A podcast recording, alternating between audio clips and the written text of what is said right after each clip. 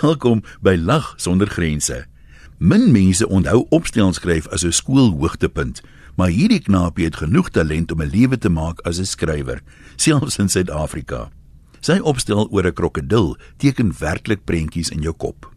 Die krokodil is spesiaal so laag gebou, want hoe platter, hoe swemmer. Vooraan die krokodil sit die kop. Die hele kop bestaan byna net uit tande. Agter in die krokodil groei die stert en tussen die kop en die stert sit die krokodil.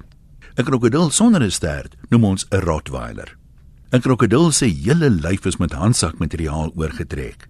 Hy kan sy stert afgooi as hy skrik, maar dit gebeur nie sommer nie, want 'n krokodil skrik vir niks.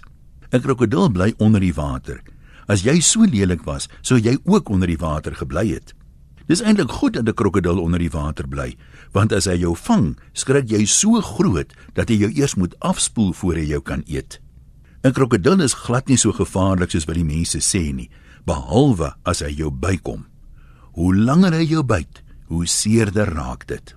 Die natuurlike logika van kinders kom ook handig in as 'n mens moet somme maak. Die onderwyser vra: "As ek gaan visvang en ek vang 5 galjoene en ek gee vir my buurman 2, hoeveel het ek oor?" Die kinders sukkel en herhaal sy vraag. Ek vang 5 galjoene, gee vir my buurman 2, hoeveel het ek oor? Weer is daar 'n 'n stilte. Niemand wil eers oogkontak maak nie. Meneer verloor sy geduld. Kom nou Jannie, hoeveel galjoene het ek oor? Jannie dink vinnig. Galjoene meneer, ai toggie, hier werk ek die heeltyd met kabeljoue.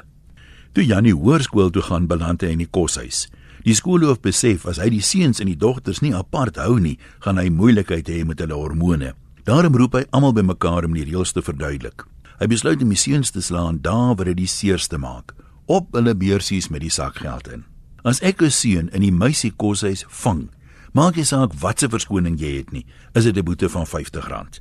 En as ek jou weer vang, is dit R100. Moenie sê jy is nie gewaarsku nie, vir 'n derde oortreding verdubbel die boete weer tot R200. Is dit duidelik? Jannie se handjie skiet dadelik op. Hy se klong wat met geld kan werk. Meneer vra hy: "En wat kos hy seisoenkaartjie?"